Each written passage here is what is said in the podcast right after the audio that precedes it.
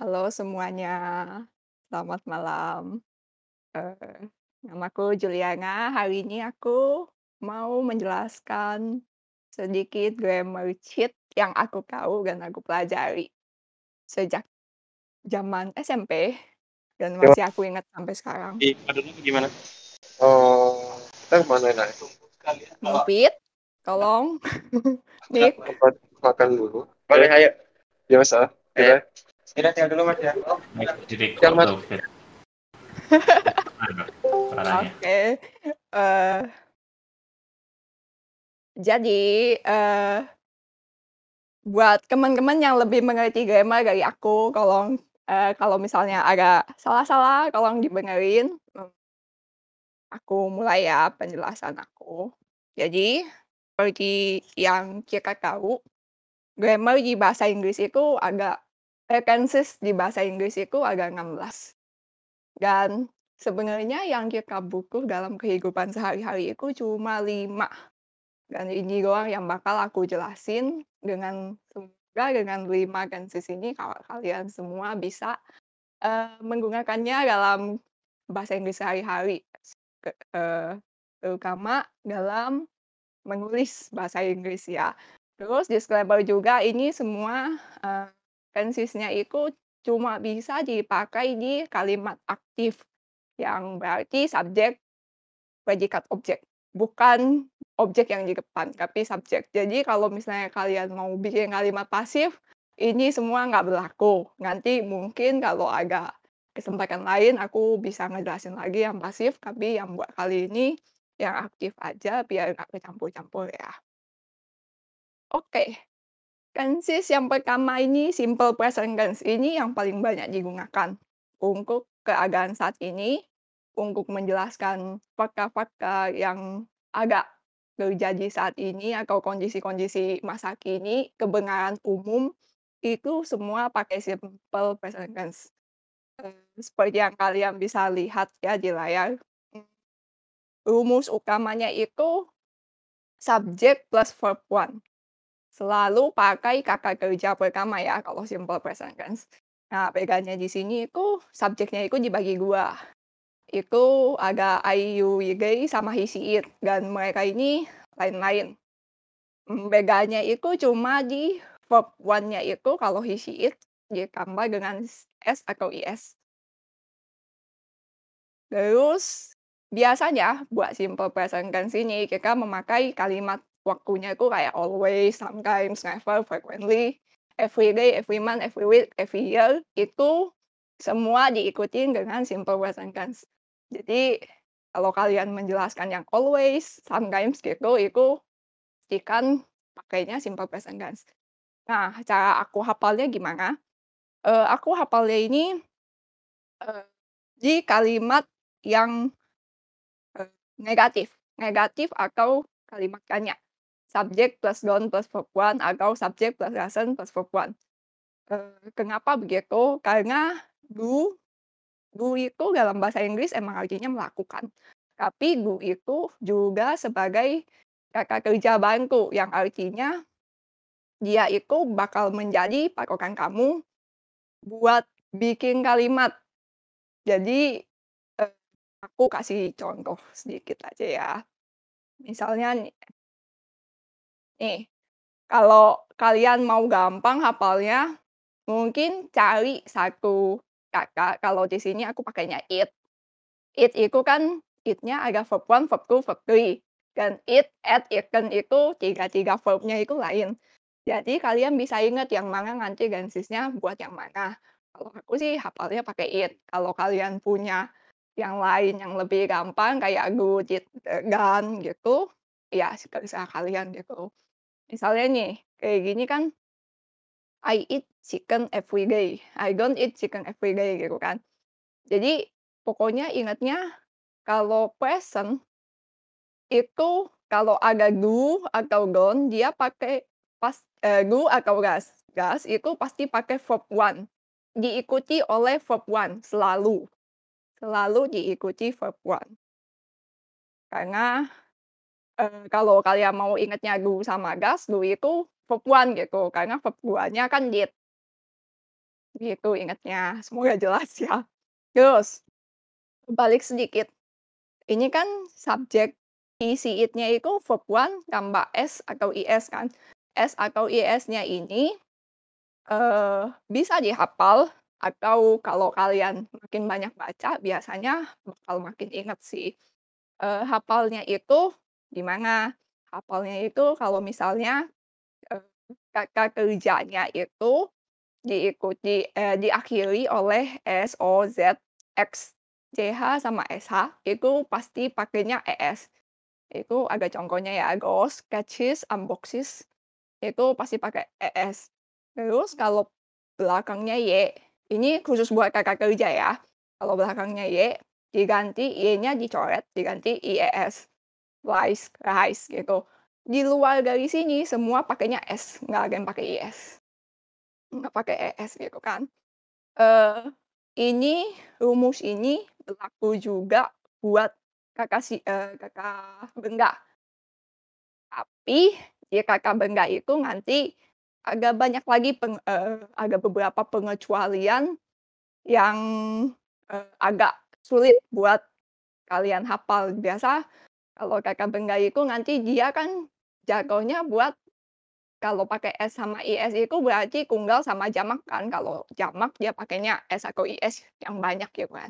Nah, itu tuh nanti agak lagi kayak gus. Gus itu angsa misalnya aku kasih contoh gus, gus itu angsa. Tapi jamaknya itu bukan guses pakai S bukan, tapi jadi gis. G E E gitu. Jadi itu nanti ada pengecualiannya lagi kalau ada kesempatan lain atau kalian berminat mempelajari nanti coba di Google aja ya. Tenses kedua. Tenses kedua ini simple past tense. Itu digunakan untuk eh, sesuatu yang sudah berlalu, kondisi yang sudah berlalu. Simple past tense, pokoknya ingat kalau kalian menjelaskan segala sesuatu yang di masa lalu selalu pakai verb to. Pakokannya gimana? Kalau aku pakokannya did. Karena ini eh, past tense ini kan nggak dibagi eh, sesuai subjek ya. Jadi si did ini itu verb duanya dari si go tadi, si presentnya go tadi. Jadi ingat aja pokoknya kalau pakai did berarti dia past tense.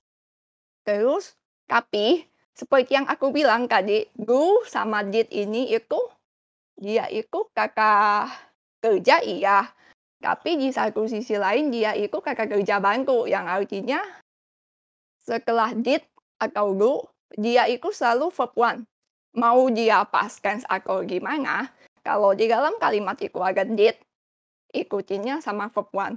Kalian bisa aja sebenarnya kayak uh, subjek, sorry, subjek verb to. I did this gitu kan. Jadi ingatnya gitu, did itu verb dua pokoknya.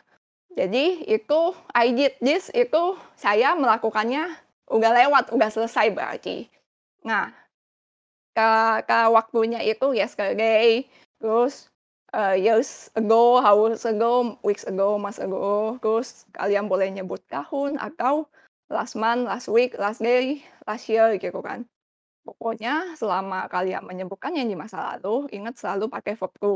Tapi verb to ini kalau kenapa di negatifnya bisa verb one, kenapa di kanggakannya bisa verb one? Karena did-nya itu nggak verb to. Gitu. Jadi kalau did-nya itu verb to, kalian pokoknya habis did selalu gambarnya verb one. Gitu sih ingatnya. Hmm. Terus ini contohnya ya. Aku kalau aku kayak tadi yang aku bilang aku kan pakokannya it. It sama at. Jadi aku selalu pakai at. I at eh, kalau presentnya I eat chicken, pasnya I ate chicken. Terus kalau udah pakai did, I didn't eat. It-nya itu balik lagi ke kakak kerja pertama karena kakak kerja keduanya itu verb to-nya ini tuh cuma bisa sekali aja, jangan dua kali gitu. Kalau dua kali nanti mungkin agak di tenses-tenses yang lain yang lebih susah ya. Tapi buat sekarang ingatnya verb itu selalu buat pas. Kan after do sama did itu selalu verb satu.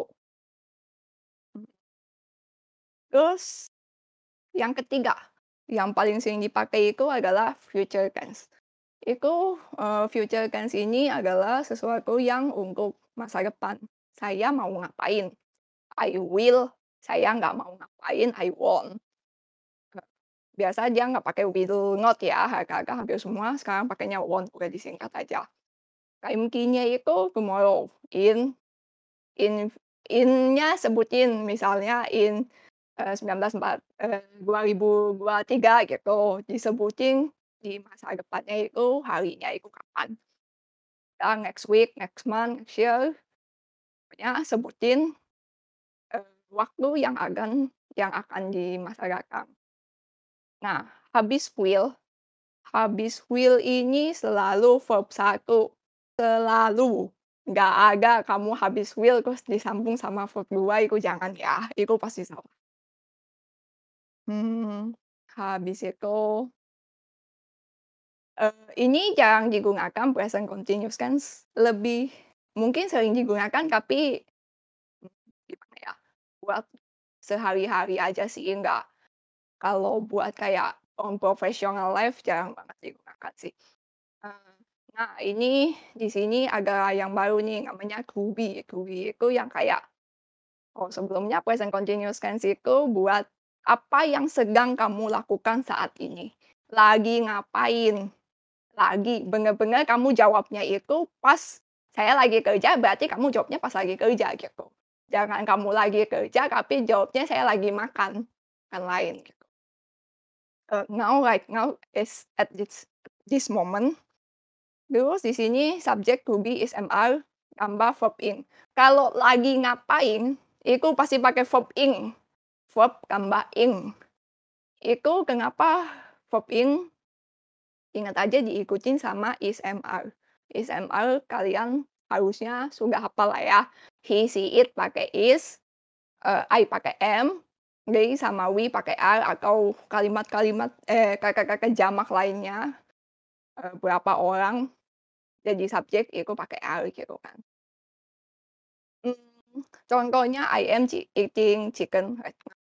Aku semua di sini pakainya eat ya, karena menurut aku eat ini yang paling gampang dihafal dan dia beda-beda verb 1, 2, 3-nya, jadi gampang banget dihafal. Mmm. Habis itu ini yang pa ini jarang dipakai sebenarnya aku mau skip, tapi buat pengetahuan aja sih. Misalnya ini past continuous tense ini adalah tenses yang, eee, dipakai banyakan dia ngomongnya gini, eee, "Saya lagi makan ketika teman saya datang." Saya lagi makannya ini past continuous. Jadi selalu diikutin sama ketika.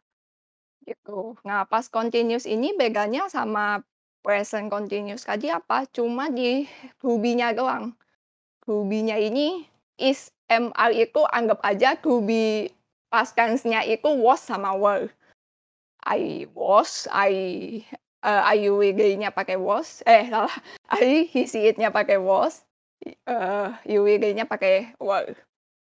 Eee, sisanya sama. Ingat aja pokoknya, eee, past past form-nya si be ini itu, dari she, eee, is, MR jadi were. Ini jarang banget sih dipakai. Eee habis itu present perfect tense.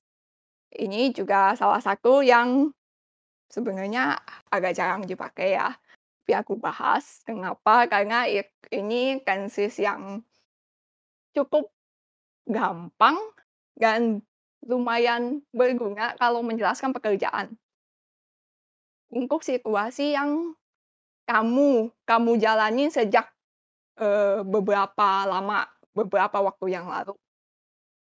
Dia time key-nya itu for, yet, always juga bisa di sini. Since, never juga bisa di sini, never tadi ada di present dan ada di sini. Ada di simple present sama di present perfect. Lately, already. Tapi biasanya kalau Indonesia itu, mereka itu lebih suka menerjemahkan have, has ini jadi, saya sudah gitu. I have eaten there since 3 week ago. Saya saya sudah makan di sana sejak, 3 minggu lalu, atau I have worked here since 3 years ago. Saya sudah bekerja di sini semenjak, 3 tahun lalu. Jadi kalau yang sudah sudah sudah itu pakainya present perfect tense. Eee, cara gampang hafalnya itu adalah subjek plus have, has, plus verb 3. Ingatnya itu karena ini aktif ya, ini kalimat aktif, anggap aja subjeknya nggak ada. Have, has ini, si have sama has ini selalu diikuti sama verb 3. Selalu. Nggak ada habis have, has, terus verb 1 itu nggak ada. Sejauh yang aku tahu itu nggak ada. Itu udah pasti salah. Verb 1 dan verb 2 udah salah. Nah, di sinilah kenapa aku bilang lebih gampang pakai patokan yang verb 1, 2, 3-nya itu lain. Karena tadi kan it itu buat present tense, at itu buat past tense, ikan itu buat perfect tense gitu. Jadi semuanya lain-lain. Mhm. Ini yang paling sering dipakai dan paling gampang. Eee, itu ini sebenarnya nggak masuk tenses, cuma, eee, banyak di lebih dipisah jadi modal ya, modal auxiliary. Tapi aku lebih ga lebih gampang buat ngejelasinnya itu anggap aja dia masuk di dalam tenses ya. Jadi jenis-jenis modal, modal ini nama sebuah kata bantu. Kata bantu itu jenis-jenisnya kayak ini nih, can, must, might, have to, should, may. Ini kalian semua tahu ya, can itu bisa, must itu harus, might itu mungkin, have itu juga harus, should itu juga harus, may itu mungkin. Ini tuh semua kata yang kamu buat, yang pakai kata-kata modal ini selalu, selalu diikutin verb 1. Mau itu ada di jadi positif, negatif, kata-katanya itu semua harus verb 1. Terus yang lainnya itu kalian bisa lihat di sini ada have to kan. Have to ini sebenarnya bagian dari, eee, pokoknya kalau ada to di sini, after to is always verb 1. Jadi kadang ada kalimat I love to hike. To itu sebuah kata bantu si kata bantu ini. Jadi habis to ini selalu verb 1. Nggak mungkin habis to itu jadi verb 2 atau verb 3 itu sangat nggak mungkin. Jadi paling gampang dihafalnya itu kalian hafal modal ini, terus have to-nya ini pengecualian. Pokoknya habis to mau ada eee, kalimat seperti apa pun, pokoknya kalau kalian habis ngetik to itu harus pakai verb 1. Nah, ini aku nggak kasih contohnya ya, tapi bi bisa I can eat, I must eat, I might eat gitu ya, pokoknya harus verb 1 karena ini paling gampang sih dihafalnya. Ini agak berantakan ya slide-nya. Sorry, nih. Oh, nih.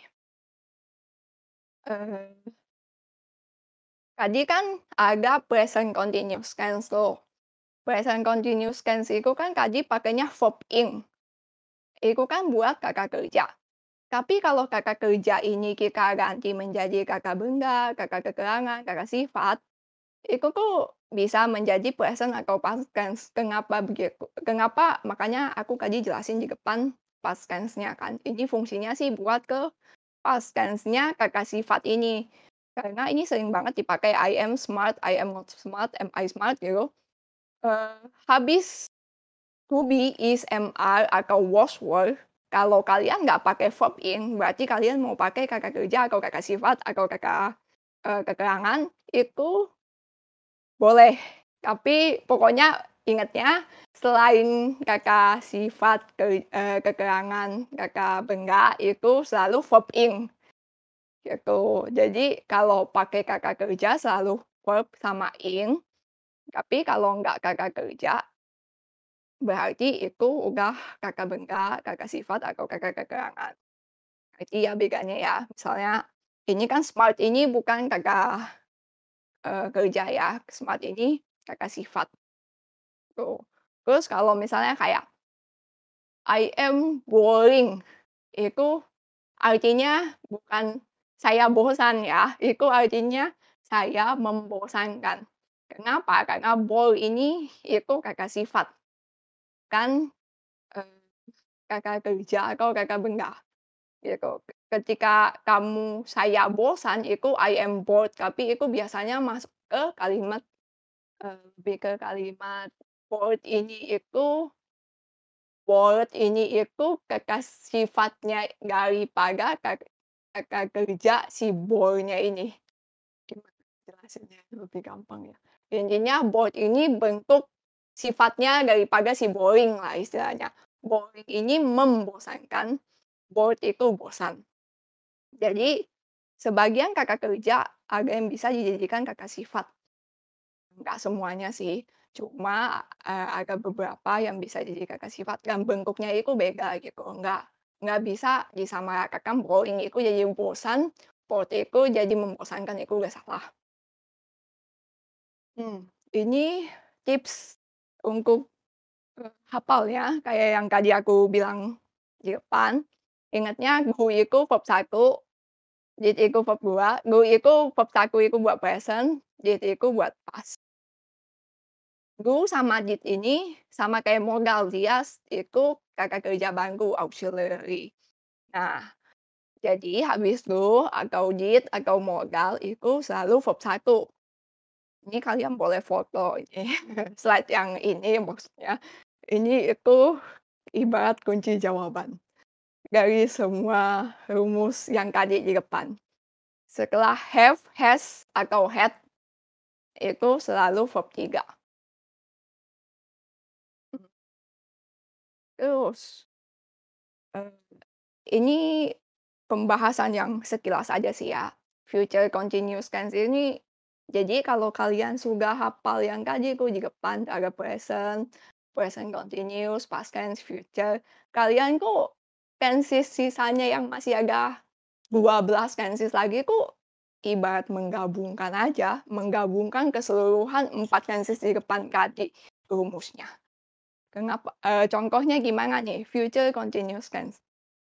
Ini hampir nggak pernah dipakai sih, eee, karena kalimatnya emang agak-agak rancu, karena kita akan melakukan sesuatu pada jam tertentu besok gitu, itu baru pakai future continuous tense. Nah, tadi kan habis will habis will itu selalu verb 1 kan. Kenapa di sini ada will plus be plus verb in. Be di sini itu verb 1. Jadi, karena udah ada be sebagai verb 1-nya dia, I will be, baru bisa ditambahin verb in. Ini be ini kalimat munculnya kenapa sih muncul di sini? Be ini itu sebagai perantara antara will sama verb in. Jadi kan tadi continuous tense itu kan I am, terus verb sama in kan. Terus, eee, kalau future tense itu I will sama verb 1 kan. Jadi I will be, ini be-nya ini udah verb 1. Be ini kalau yang continuous itu, itu contohnya is, am, are, tapi itu kan namanya be, to be. Jadi habis be ini dia selalu verb in. Tadi kan habis are selalu verb in. Jadi ini tenses yang menggabungkan, literally menggabungkan future tense dan present continuous tense. Gitu. Jadi ketika kamu, eee, hafal rumus yang paling depan tadi, itu kurang lebih tenses yang ke belakangnya itu kalian udah bisa, eee, gabung-gabungin sendirilah. Mmm, selanjutnya past perfect tense. Past perfect tense ini kegunaannya itu kurang lebih sama kayak past continuous tense. Yang dipakai itu selalu dengan ketika. Saya melakukan ini ketika, ketika, ketika, ketika. I had eaten ketika, saya sudah makan ketika teman saya datang. Tapi dia lebih ke sudah ya, udah dilakukan. Kalau tadi, eee, I I was eating when my friends come my friends came, eee, saya sedang makan, kalau ini saya sudah makan ketika saya datang. Dan present, kalau present tadi pakai has, have, kalau past-nya ya tinggal pakai had. Tapi rumusnya masih sama, has, have, had itu selalu dipakai verb 3. Nggak pernah habis has, have, had itu verb 1. Eee, kalaupun ada kalimat kata yang bukan verb 3 itu biasanya adalah kata sifat, bukan lagi kata kerja, gitu. Nah, itu doang penjelasan dari aku yang buat tips. menurut aku yang paling berguna cuma ini, eee, mungkin agak, mmm, Kansis-kansis lain yang, eee, agak rumit, kayak kadang kalian suka denger, "I should have been" ada should, ada modalku di sana, terus ada have sama ada been. Been itu 3-nya sih dari dari be.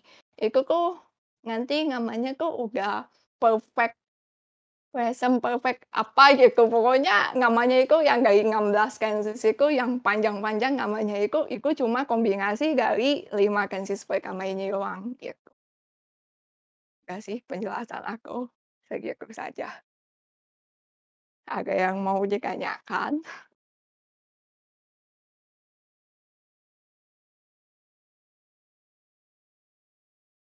Cepetan nggak sih aku ngejelasinnya? Ada yang mau bertanya? Mumpung ada yang bisa bantu, mungkin teman-teman ada kesulitan saat memahami atau mencoba menulis dalam bahasa Inggris, mungkin bisa ditanyakan kesulitannya. Karena Kak Juliana juga bisa untuk jadi proofreader gitu loh. Aku karena aku kerjanya selama 4 tahun, eee, bekerja dengan bos di US, jadi daily basis aku emang ngetiknya dalam bahasa Inggris. Jadi, eee, menurut aku, eee, rumus Kansis ini emang berguna banget buat membantu aku. Aku juga dari SD sebenarnya nggak bisa itu, aku nggak hafal, aku Kansis-kansis gini aku cuma hafal dari sekolah yang modal-modal hafal, bukan mengerti ya, bener-bener cuma dihafal. Tapi ketika aku udah ngerti habis have harus verb 3, habis will itu pasti verb 1, itu kok jadi kayak, oh semuanya menjadi mudah gitu. Tanpa harus kamu tahu nama Kansisnya, asal kamu bisa mengerti apa yang ingin kamu jelaskan sih, itu aja. Hmm. Jadi dari yang dijelaskan Kak Juliana tadi itu sebenarnya kita nggak terlalu berfokus dengan nama tensisnya, cuma kita me memahami, eee, kaidah penulisan yang Fungsi. baik dalam bahasa Inggris tuh gimana, Dan fungsi, fungsi Kansisnya itu kamu mau ngejelasin apa, nama Kansisnya kamu nggak usah hafal juga nggak apa-apa. Tidak perlu kayak yang, "Uh 16 tenses, gila susah banget." Padahal sebenarnya itu tuh cuma terbagi jadi 3, past, future, dan present aja gitu. Terus kemudian perfect. ada expand heeh, perfect yang ada have-nya tadi. Mhm. Adakah yang mau ditanyakan? Eee, mungkin ada yang lagi ngapalin lagu terus misalnya kan ada ya lagu, eee, kayak that doesn't eee, that doesn't kayak that itu mustinya nggak pakai doesn't gitu. Mungkin ada yang mau ditanyakan dari, eee, Kalau lagu biasanya Kalau aku lagu sih biasanya sesukanya ya kayak Iya, lagunya kalau Daniel aku Bedingfield. Kayak aku jarang melihat lagu yang mengikuti Kansis. Mhm, kayak lagunya Daniel Bedingfield tuh He Don't Love You. Itu kan he mustinya kan pakai doesn't, tapi dia nulisnya He don't love you like I love Iya, you. karena Nah. kalau doesn't kan Mhm. nanti beda lagi nadanya kan, he don't sama he doesn't kan, doesn't kan jadi 2 suku kata. Ya, jadi jangan percaya lagu gitu. Percayalah dengan, eee, Terus, kaidah dan sis yang eee, benar. kalau belajar ngomong sama belajar nulis, emang Kansis ini lebih kepake di pas nulis ya. Kalau pas ngomong sebenarnya kuncinya kamu berani ngomong. Mau Kansisnya salah-salah juga it's okay. Maksudnya orang yang, eee, native-nya Inggris pun mereka ngomongnya nggak sesuai Kansis gitu. Kalau mereka nulis mungkin sesuai Kansis, tapi kalau ngomong udah terobos aja selama, eee, bisa berani ngomong ya sudah gitu. Selama itu bukan seminar di hadapan Oh iya publik untuk, eee, konferensi, it is okay to speak however you want to speak. Yang penting berani ngomong dulu, nanti Mhm. over time akan perlahan-lahan kita tuh dengan belajar membuat kesalahan, kita juga jadi tahu gitu loh benernya, gitu. Iya. Terus kalau misalnya ada satu lagi vocab. Kalau vocab itu gimana sih ngapalinnya? Jujur kalau vocab itu sebenarnya jam terbang aja. Maksudnya semakin banyak kamu baca dan nulis, pasti lama-lama hafal. Terus kalau misalnya kalian ketemu satu vocab nih, kalau aku makanya aku lebih suka terjemahan Inggris Indonesia dibanding Indonesia Inggris. Karena ketika aku baca Inggris, aku ketemu yang aku nggak ngerti, aku buka kamus langsung. Tapi kalau Indonesia kan kadang mau nerjemahin apa jadi bingung gitu kan. Kalau Inggris Indonesia misalnya dulu aku ketemu Kakak di novel itu pertama kali aku dengar obviously. Ini obviously maksudnya apa sebenarnya? Cara hafalnya gimana? Aku tiap hari pakai itu obviously di kalimat bahasa Inggris aku. Gitu. Obviously. Iya, jadi lama-lama hafal obviously. Gitu sih. Jadi kalau kamu mau hafal, sering aja dipakai meskipun ya kamu nggak pe nggak perlu-perlu banget ngomong begitu, tapi ya mungkin disambung-sambungin aja dulu biar hafal gitu. Eh, kemudian belajar juga tentang fungsi kata. Fungsi kata dalam arti eh, adjektif itu kata sifat. Kata sifat itu apa aja? Misalnya tinggi, pendek, gemuk, kurus. eh, terus adverb, adverb itu apa? Iya, tadi aku nggak nggak ngejelasin yang maksudnya aku menganggap Mm-mm. kalian semua mengerti lah maksudnya yang mana kakak sifat, yang mana kakak keterangan, yang mana kakak enggak seharusnya tahu gitu kan. Meskipun nggak tahu itu namanya noun gitu. Tapi kan kalau ketika kalian sedang bikin kalimat, kalian tahu kalian lagi mau bikin pakai kakak kerja atau kakak eh, enggak kan. Jadi aku menganggap kalian ngerti. Kalau emang mau dipelajarin lagi, coba dibuka-buka lagi kamusnya sendiri gitu. Tapi ya seenggaknya tahu gitu. Yap, yap, yap, yap. Terima kasih Juliana. Yang lain ada pertanyaan kah? Hani mungkin? Atau siapa nih? Aku buku feedback tadi aku ngejelasin kecepatan nggak sih? Eh, menurutku oke. Aku nggak tahu yang lain kecepatan nggak ya. Jadi intinya fokus di negatif atau Iya, karena kanya karena itu yang nah, karena itu yang biasa lebih cepat bikin kamu hafal. Karena kalau di positif kadang kita nggak ngerti ya itu. Di positif Iya. kadang kan dia subjek plus verb one terus ketika lagi mentok ini verb one atau verb two yang nggak kepikiran gitu. Kalau lagi mumpet kok nggak kepikiran. Tapi ketika kamu fokus di negatif, oh ini go, go berarti go itu berarti aku lagi menjelaskan yang sekarang. Tapi kalau did itu berarti aku lagi menjelaskan masa lalu gitu. Itu kepikiran. Nggak habis do sama did itu kan selalu verb satu. Sedangkan go sama didnya ini kan udah mewakili verb satu dan verb dua gitu. Semoga paham ya yang aku maksud. Aku belajarnya sih gitu. Dan dan eh, fun fact, Kak Juliana belajarnya kelas 3 SMP ya. Terus Iya. setelah belajar, setelah Ngelesi. diajari itu langsung disuruh ngelesi, gila nggak sih? Iya. Wow. Applause. Standing ovation. Hmm. Good. Aku habis belajar. Aku baru benar-benar nge memahami bukan dalam arti menghafal ya, benar-benar memahami tenses bahasa Inggris itu SMP kelas 3. Dan setelah itu langsung udah les paling 4 bulan apa 5 bulan langsung disuruh, "Udahlah kamu udah pintar bahasa Inggrisnya ngajar aja langsung," katanya gitu. Jadi aku langsung ngajar. Tapi kan aku tadi bilang, aku nggak mungkin ngajar di sini karena dulu aku ngajarnya SD kan. Aku menganggap kalian semua bukan anak SD lagi, jadi seharusnya sudah lebih paham apa yang aku ajarin karena kalau anak SD kan belajarnya lain lagi gitu. Menurut menurutku udah bagus sih Kak. Dari dari dari penjelasannya itu em, enak. Terus dapet. gampang. Iya. Jadi to the point dan emang ya valid gitu. Itu tenses-tenses itu yang yang beneran orang butuhkan Iya. untuk bisa menerima satu sama lain da- dalam berkomunikasi ya. Mm, mm, mm. Itu bagus banget sih. Bisa di di eh, di apa? Diringkas gitu. FYI, FYI, catatan bahasa Inggrisku selama les kemarin aku pas buka mau bikin slide ini ku cuma eh, empat halaman bingkai. Itu udah mewakili aktif, pasif, dan pengecualian-pengecualian lain. Emang kalau udah paham tuh ya Iya. dikit aja.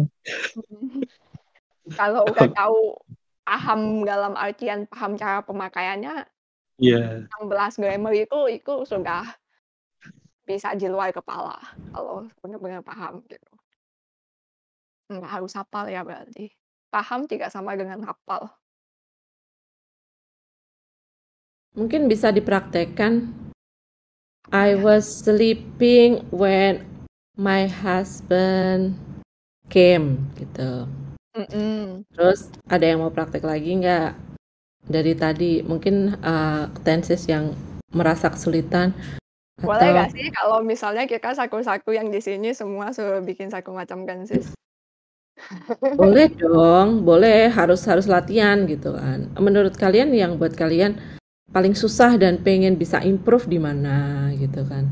Nanti bisa dicoba deh dengan cheat Nggak kalau sheet grammarnya Kak Juliana mungkin bisa dibikin satu atau dua kalimat gitu.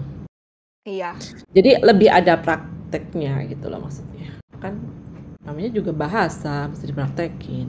Yuk, siapa yang mau? Devon mungkin? Devon? Where is Devon? Devon, yeah, I heard that you are grieving today. So maybe you can tell about what makes you grieve. Enggak, enggak, enggak, enggak, enggak grieving sih. Sedih ya? Hmm. Cuma Oke. eh ya kalau tadi tanya apa yang paling paling sebenarnya paling susah itu sebenarnya eh, pas ya pas tense itu mau pas continuous mau pas eh, simple pas gitu karena kita biasa ngomong bahasa Indonesia nggak ada eh, past tense gitu kan Oh iya, benar. Kalau kalau kalau menurut gue sih gitu yang yang enggak sah. Kalau eh, apalagi conversation ya.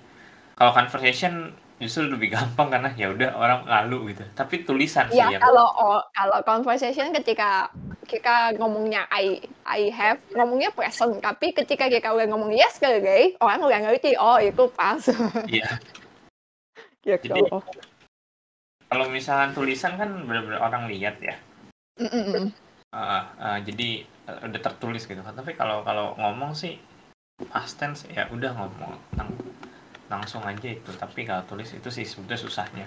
Nah makanya mungkin karena itu karena bahasa Indonesia eh, nggak ada kan past tense. Paling kalau misalnya eh, saya makan ayam kemarin kayak gitu kan Ya, Ada kemarinnya, betul. tapi kan ini ya pakai I was eating chicken yesterday kan. I ate chicken yesterday. I was eating I was eating chicken kalau bisa jangan yesterday, tapi I was Oh. eating itu biasa bukan maksudnya was eating itu kan past continuous kan. Itu itu untuk menjelaskan sesuatu yang sedang kamu lakukan ketika kejadian lain terjadi gitu. Hmm, hmm. Jadi kalau yesterday itu kan nggak mewakili kejadian lain yang terjadi. I was eating, misalnya I was eating when Kaulan came. Jadi pas Kaulan datang, aku lagi makan. Itu dia menjelaskan kejadiannya gitu. Tapi kalau yesterday kan kamu lagi makannya pas kejadian apa gitu. Jadi makanya kalau yesterday itu lebih ke I ate yesterday. berarti Dibanding kalau I was pas pas continuous itu harus ada kejadian lain ya Iya, makanya aku bilang jarang banget dipakai karena dia perlu penopang kejadian lain yang sedang terjadi gitu. si I ate chicken yesterday. Oke oke. Kayak- makanya perubahannya pun juga kayak kayak I'm eating I'm eating chicken right now kan? Bener kan? Gitu kan? Kalau sekarang Benar. lagi. Nah makanya pas pas perubahan ke pasnya nggak bisa langsung I was eating chicken yesterday kan? Nggak bisa langsung Iya. gitu. Ah, ah. karena nggak make nggak make sense sih. Maksudnya ketika kamu terjemahkan jadi bahasa Indonesia pun nggak make sense. I am eating chicken right now. Itu kan saya sedang makan sekarang. Tapi I was eating chicken yesterday. Saya sedang makan ayam kemarin. Tapi udah kemarin. Tapi kenapa sedang makan gitu loh Kalau kamu terjemahin kan aneh kan? Saya sedang makan kemarin. Loh, kemarin kamu sedang makan, maksudnya ini gimana gitu. Makanya yesterday-nya itu biasa kita ganti dengan kejadiannya. Saya lagi makan, saya sedang makan ketika Kak Ulan datang gitu. oke oke ya ya itu itu Iya benar. agak jarang dipakai sih sebenarnya. Tapi perlu dipahami sih Perlu karena dipahami ini ya. sangat-sangat misalnya kayak eh I was having Fun. uh, I was no. I was having breakfast when uh, my father called Ya. kayak gitu. Jadi aku sedang makan saat ayahku nelpon. Tapi ter- Mm-mm. kejadiannya kapan? Udah udah terjadi gitu loh. Dan pas hal itu terjadi aku tuh sedang makan, tapi ayahku nelpon pas aku sedang makan. Jadi itu Ya. mesti dilatih terus-menerus supaya ingat karena itu sangat-sangat tricky. Bahkan yang udah belajar bahasa Inggris pun kalau nggak teliti bisa slip gitu loh. Betul. Hmm. Saya sedang makan kemarin. Tapi iya sih kalau kamu terjemahin pokoknya dipertanyakan aja kok sedang makan kemarin ya. Kemarin sedang makan tapi kemarin ini kok nggak menjelaskan apa-apa gitu. Kenapa lagi sedang gitu. Ya. Ini emang harus kalau kalau menurut gue sih buat ini sih itu lebih berguna buat teks kalau ngomong Mm-mm. nulis itu Ya. karena kita pun ngomong bahasa Indonesia kan juga grammarnya berantakan ya Betul. Kita kan ngomong bahasa Indonesia kebanyakan bahasa gaul. iya kayak lagi apa lagi apa kan aneh itu sebetulnya nggak make sense kan Iya, nggak make sense. Nah, tapi teks kan eh sekarang email aja udah teks font. iya Jadi as simple as an email gitu. Misalnya kamu mau email ke Dondoyon gitu ya. Ya masa iya kamu email dengan grammar yang acak adut kan kasihan orangnya bingung gitu loh. betul makanya di di eh, penting buat buat teks makanya Mm-mm. kalau grammar ya kalau mungkin conversation buat teks sama buat ujian TOEFL. Percayalah dengan grammar 5 grammar ini kamu hafal ujian TOEFL bisa kamu lewatin 500. Nggak usah kamu- mikir ceritanya ya, udah. Iya, nggak usah nggak usah mikir harus 16 Kansas kamu hafal itu nggak bakal nggak bakal bisa. Tapi ketika kamu paham 5 biji grammar yang sama modal ini, itu TOEFL TOEFL itu kan biasa jebakannya itu di verb-nya, verb 1, verb 2, verb 3. Ini verb yang mana gitu. TOEFL itu banyak kan jebakan di sana. Tapi ketika kamu sudah paham verb ini buat yang mana, itu TOEFL biasa lewat. Gitu. Ya. Temanku yang aku ajarin TOEFL semua lewat sih dengan 5 Kansas ini maksudnya. Dan sebelumnya Inggris mereka parah. Maksudnya mereka nggak ngerti grammar sama sekali.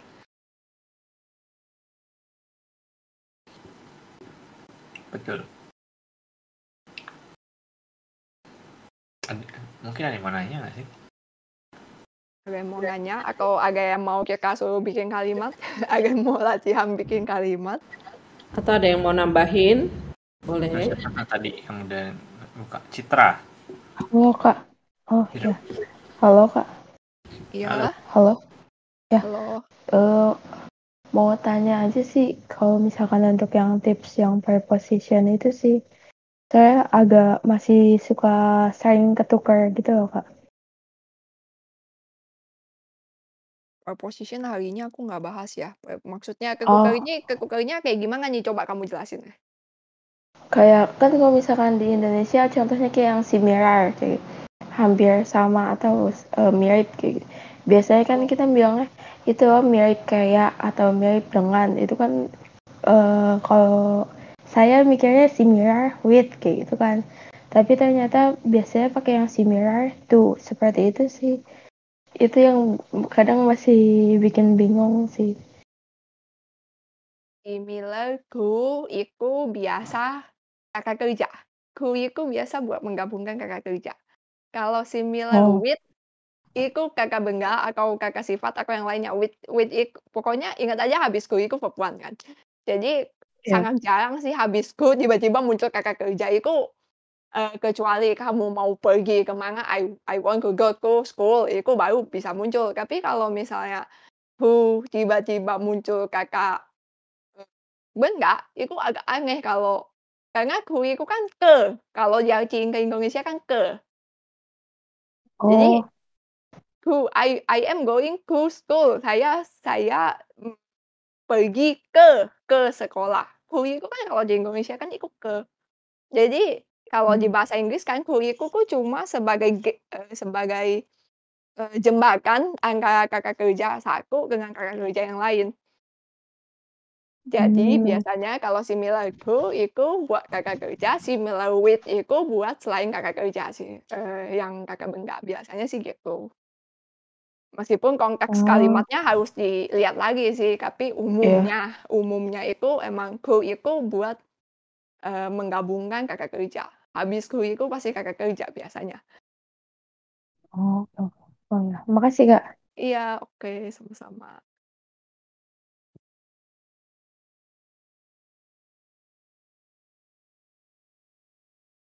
Ada lagi yang mau ditanyakan? Kita ada 10 masih ada 10 menit sebelum acara selanjutnya.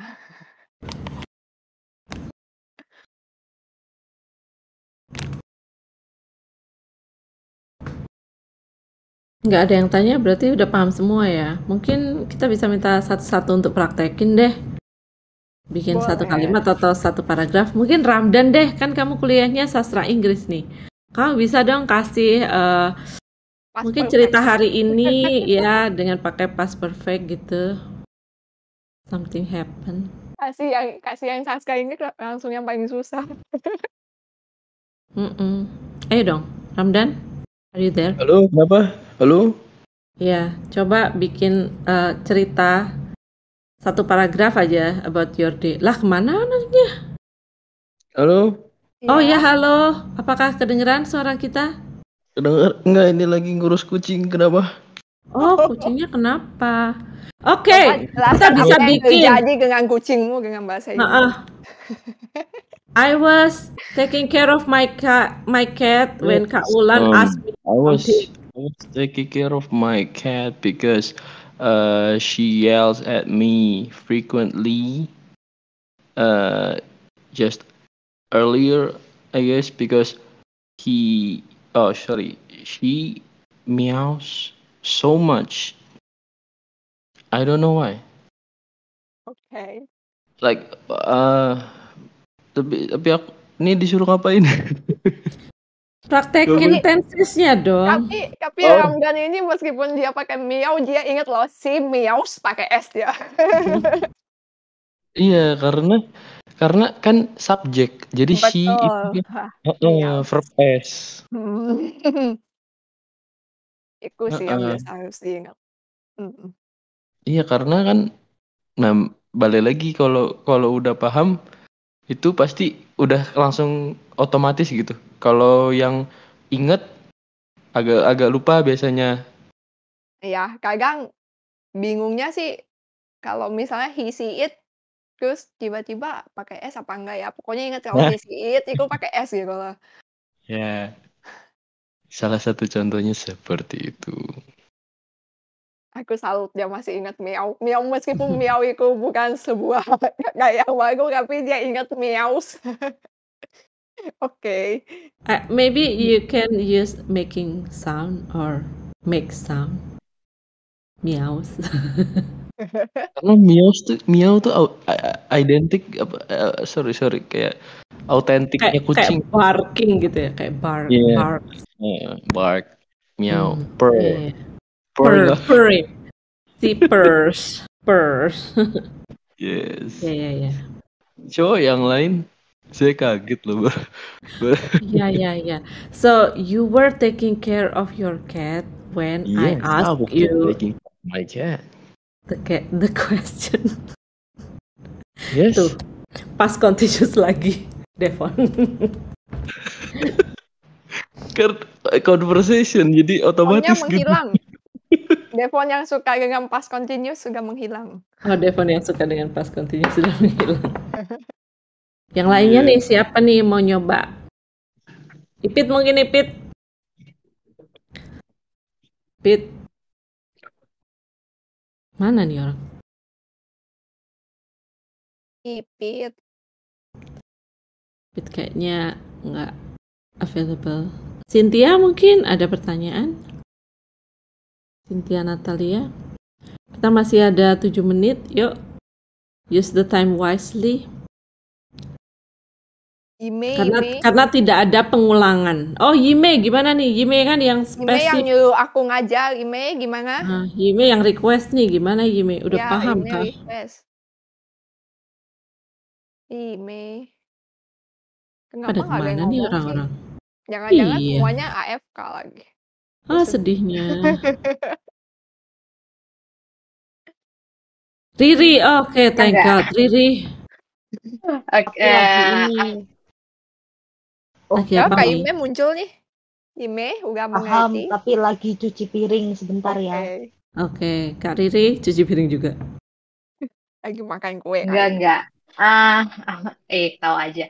Aku pengen nanya, hmm, mungkin kalau Kak Wulan atau Kak Juliana gitu ya, kalian itu gimana sih caranya? Aku nggak tahu ya kan tadi kan kalian sempat Kak bilang Eh, oke. kalian mengerti gitu, mengerti tentang tenses. Tapi memang tenses itu kan harus dihafalkan rumusnya ya. Eh, karena aku pribadi, aku tuh nggak nggak hafal rumus kebanyakan. Aku tuh kebanyakan justru belajar karena terbiasa. Kayak misalnya, oh aku tahu nih he, he, he, she, it itu pakainya is. Kalau itu pakainya, yang lain pakainya Ya, are gitu. ah, ah, ah. Nah, tapi tuh aku sendiri nggak, paling beberapa ya yang aku inget kayak misalnya uh, will itu pakai verb one. Tapi yang lain tuh biasanya aku lebih pakai feeling. Misalnya, uh, I should have eat something before I come here.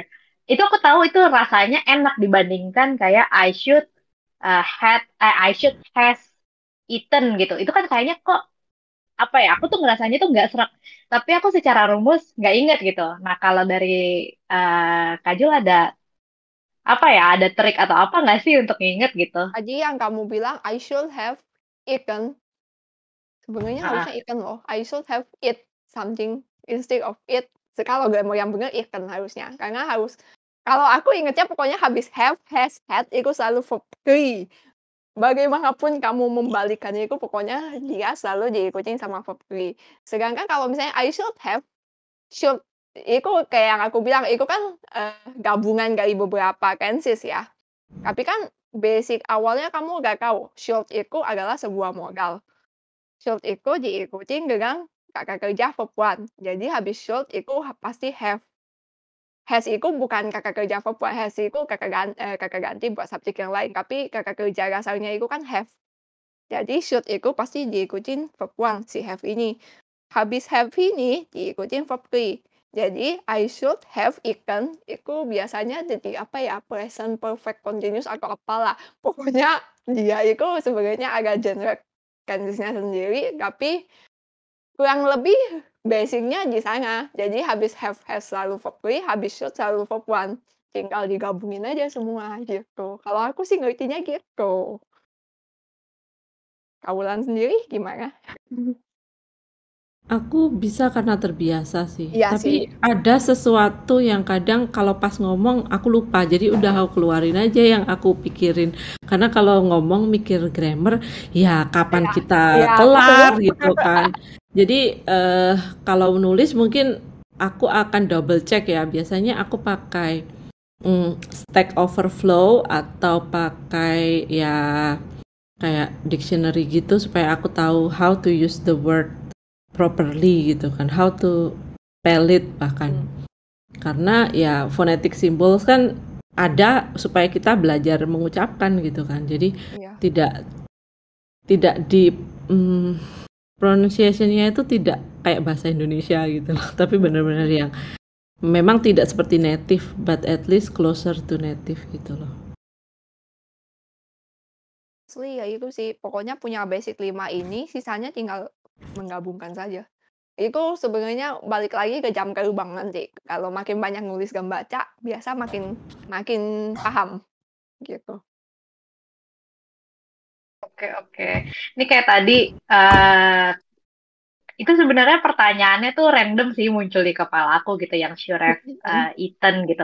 Terus Iya. aku tadi iseng Google waktu Kak Jul jawab, terus ternyata di Google sendiri pun banyak yang nanya, mestinya tuh should have eaten atau ate gitu. Terus gue kayak jadi mikir lagi, terus kayak, ya udahlah bingung. Ingatnya have, had itu selalu verb verb Aku paling suka pelajaran yang have has karena verb juga. Aku nggak mau pusing. ya. Makanya aku tadi pakai contoh se- semuanya pakai yang it karena it verb one, verb two, verb three-nya kan lain. Jadi ketika kita menghafal dengan verb yang satu dua tiganya lain, kita aku lebih bisa ngerti gitu, gampang ingetnya. Hmm. Kalau kamu pakainya walk, walk, walk, ya udah, itu ini walk-nya verb, verb apa verb three ya nanti kamu mikir lagi, bingung lagi habis itu. Benar-benar. Terima kasih. Sama-sama. Satu menit lagi sebelum dia ke cover. Siapa nih yang ke cover? Take close over aja. Titi atau Kak Ana ya? Kak Ana kah yang take over malam ini? Tell me something I don't know. Bu- bukan Titi kayaknya. Oh, Titi. Aku Oke. close dulu. Close dulu aja kali ya. Oke, terima kasih banyak Terima kasih Kak semuanya. Juliana. Terima kasih. Semoga eh, kita bisa bikin ini jadi sesi reguler. Jadi kayak semacam tanya jawab tentang bahasa Inggris. Given that you are already so fluent in English, so especially in writing. So we hope that we can continue this.